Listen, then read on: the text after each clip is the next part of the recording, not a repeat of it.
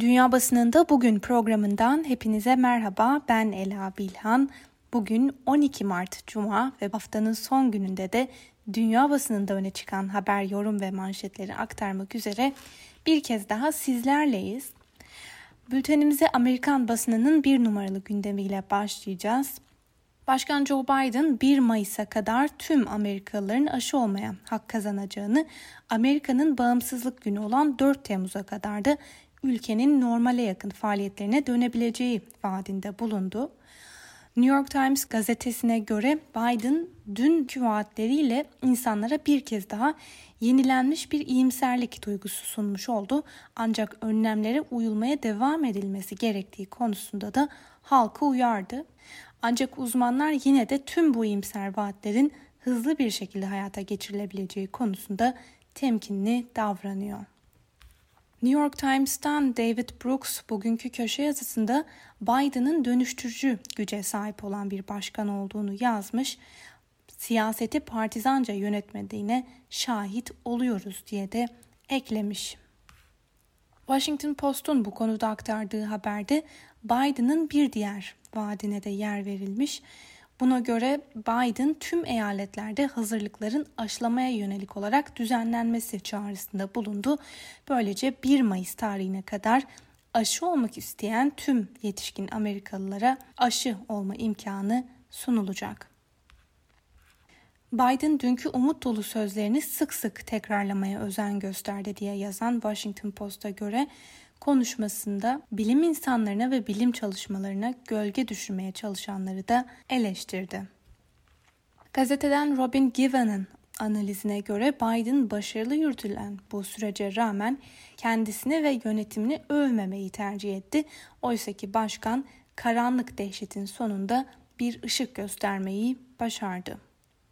Öte yandan Joe Biden dün tam da beklendiği gibi koronavirüsü salgınından ağır darbe alan ekonomiyi yeniden toparlamak amacıyla kongreden geçen 1.9 trilyon dolarlık teşvik paketini onayladı. Beyaz Saray'dan yapılan açıklamada teşvik yasası kapsamındaki nakit yardımlarının bu hafta sonundan itibaren banka hesaplarına yatırılmaya başlanacağı da bildirildi. Voice of America konuya dair bir anket sonucunu paylaşmış.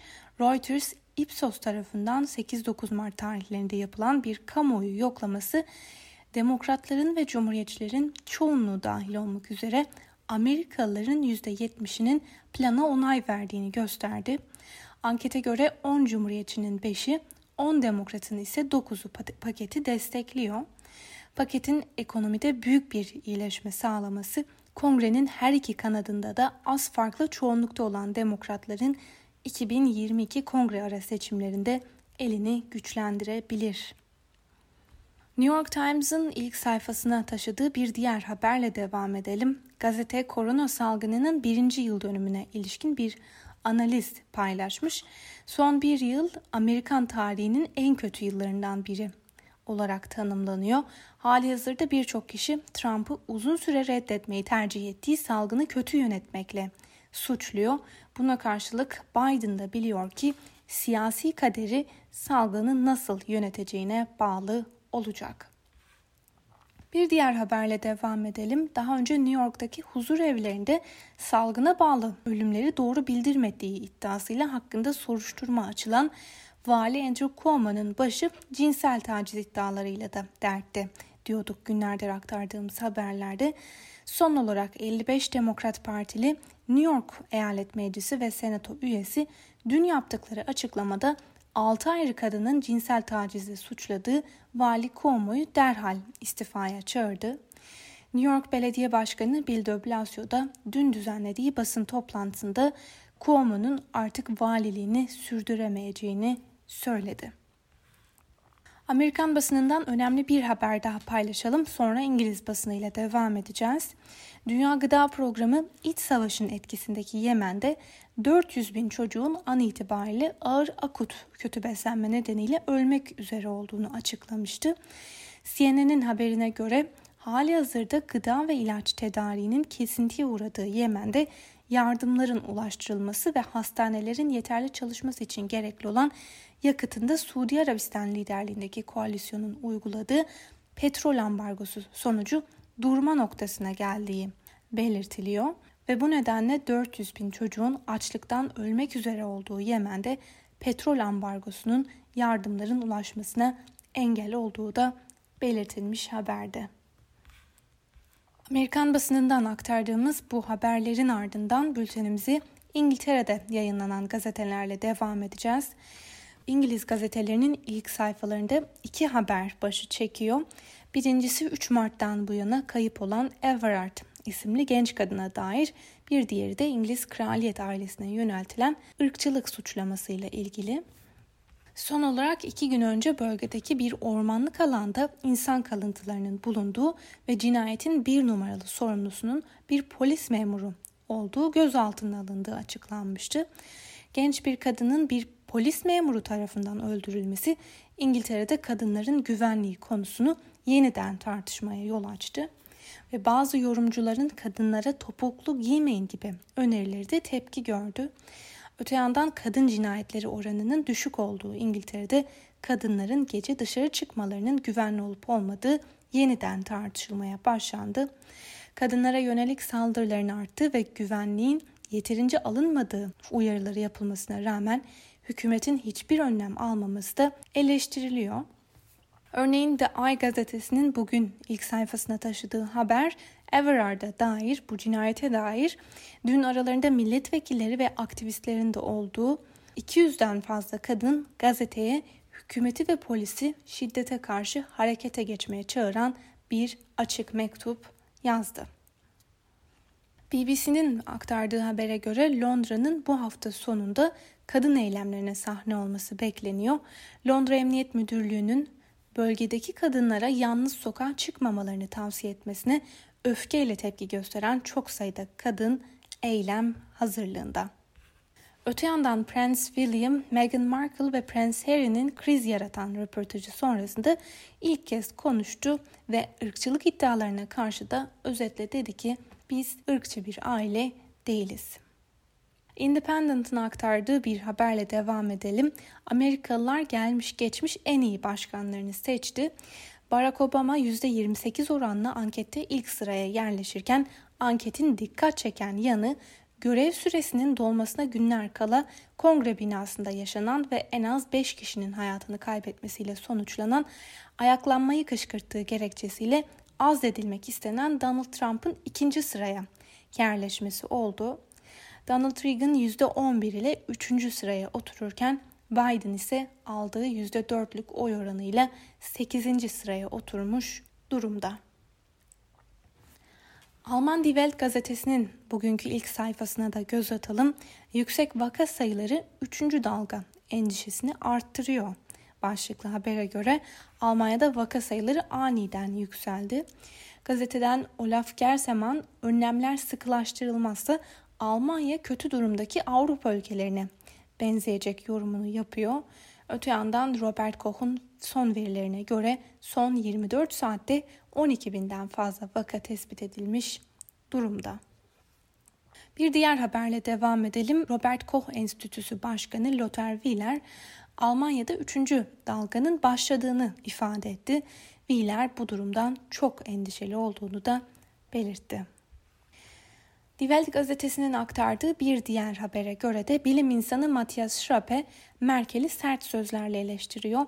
Merkel vaka sayılarına ve virüsün görülme sıklığı gibi verilere bağlı kalmayı savunsa da eyaletlerin normale dönme cesaretini kırıyor. Öte yandan hükümetin yaptığı son açıklamaya göre aşılamanın Eylül ayında çok daha hızlanması bekleniyor.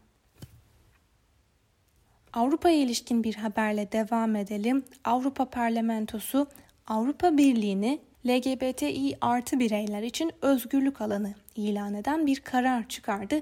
Karar LGBTİ artı bireylere karşı Polonya'daki ayrımcı uygulamalara da yanıt olarak değerlendiriliyor.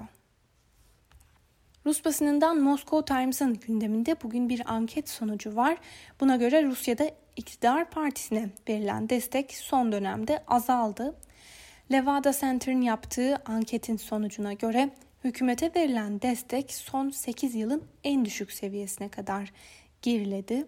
Ülkenin alt meclisi Duma'da 3'te 2 çoğunluğa sahip olan Birleşik Rusya bu pazar günü seçim yapılsa oyların yalnızca %27'sini alabilecek. Çin parlamentosu Hong Kong'un seçim sisteminin değiştirilmesine yönelik karar tasarısını dün onayladı. Hong Kong'un kurumlarında demokratik temsili azaltması beklenen plan Pekin'e sadık siyasetçilerin göreve getirilmesinin de önünü açıyor. Bu arada ABD ve Çin arasında Biden yönetiminde yapılan ilk temasında 18 Mart tarihinde yapılması planlanmışken ABD Dışişleri Bakanlığı'ndan Pekin'in Hong Kong'da seçim sistemini değiştirme adımına kınama geldi. Sözcü Pekin'le zorlu görüşmelerin olmasını beklediklerini de dile getirdi. Myanmar'da demokratik yollarla seçilen hükümeti darbe yoluyla deviren askeri junta belli bir süre boyunca kontrolü ellerinde tutacaklarını, daha sonra seçim düzenleyeceklerini söyledi.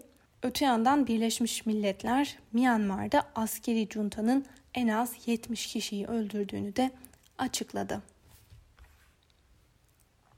Ermeni basınının bugün aktardığı haberlere göre Ermenistan muhalefeti Paşinyan'ın da bulunacağı toplantıya katılmayı kabul etti.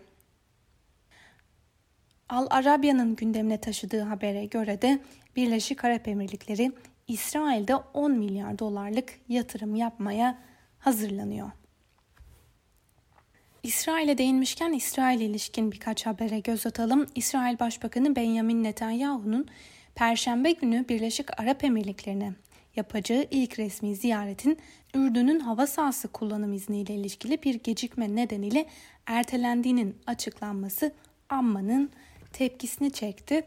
Reuters haber ajansına göre Abu Dhabi ziyareti 23 Mart'ta yapılacak seçimlerde yeniden seçilme arayışı içinde olan Netanyahu'nun geçtiğimiz yıl resmiyet kazanan İsrail Birleşik Arap Emirlikleri arasındaki normalleşme sürecine verdiği onayın göstergesi olacaktı.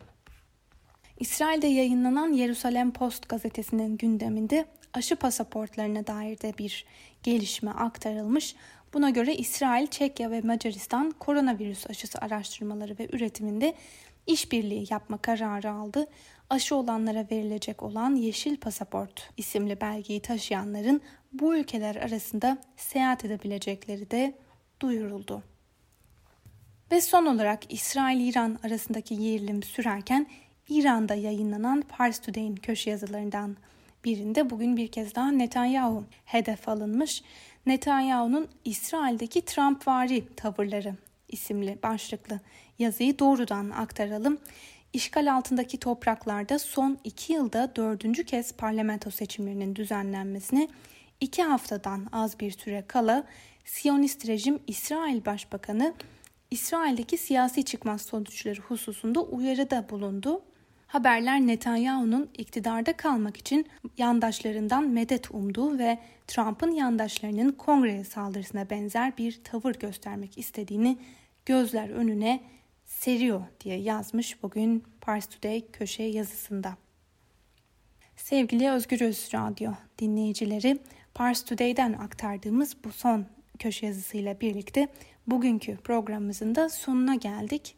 Haftaya pazartesi günü aynı saatte tekrar görüşmek dileğiyle şimdilik hoşçakalın.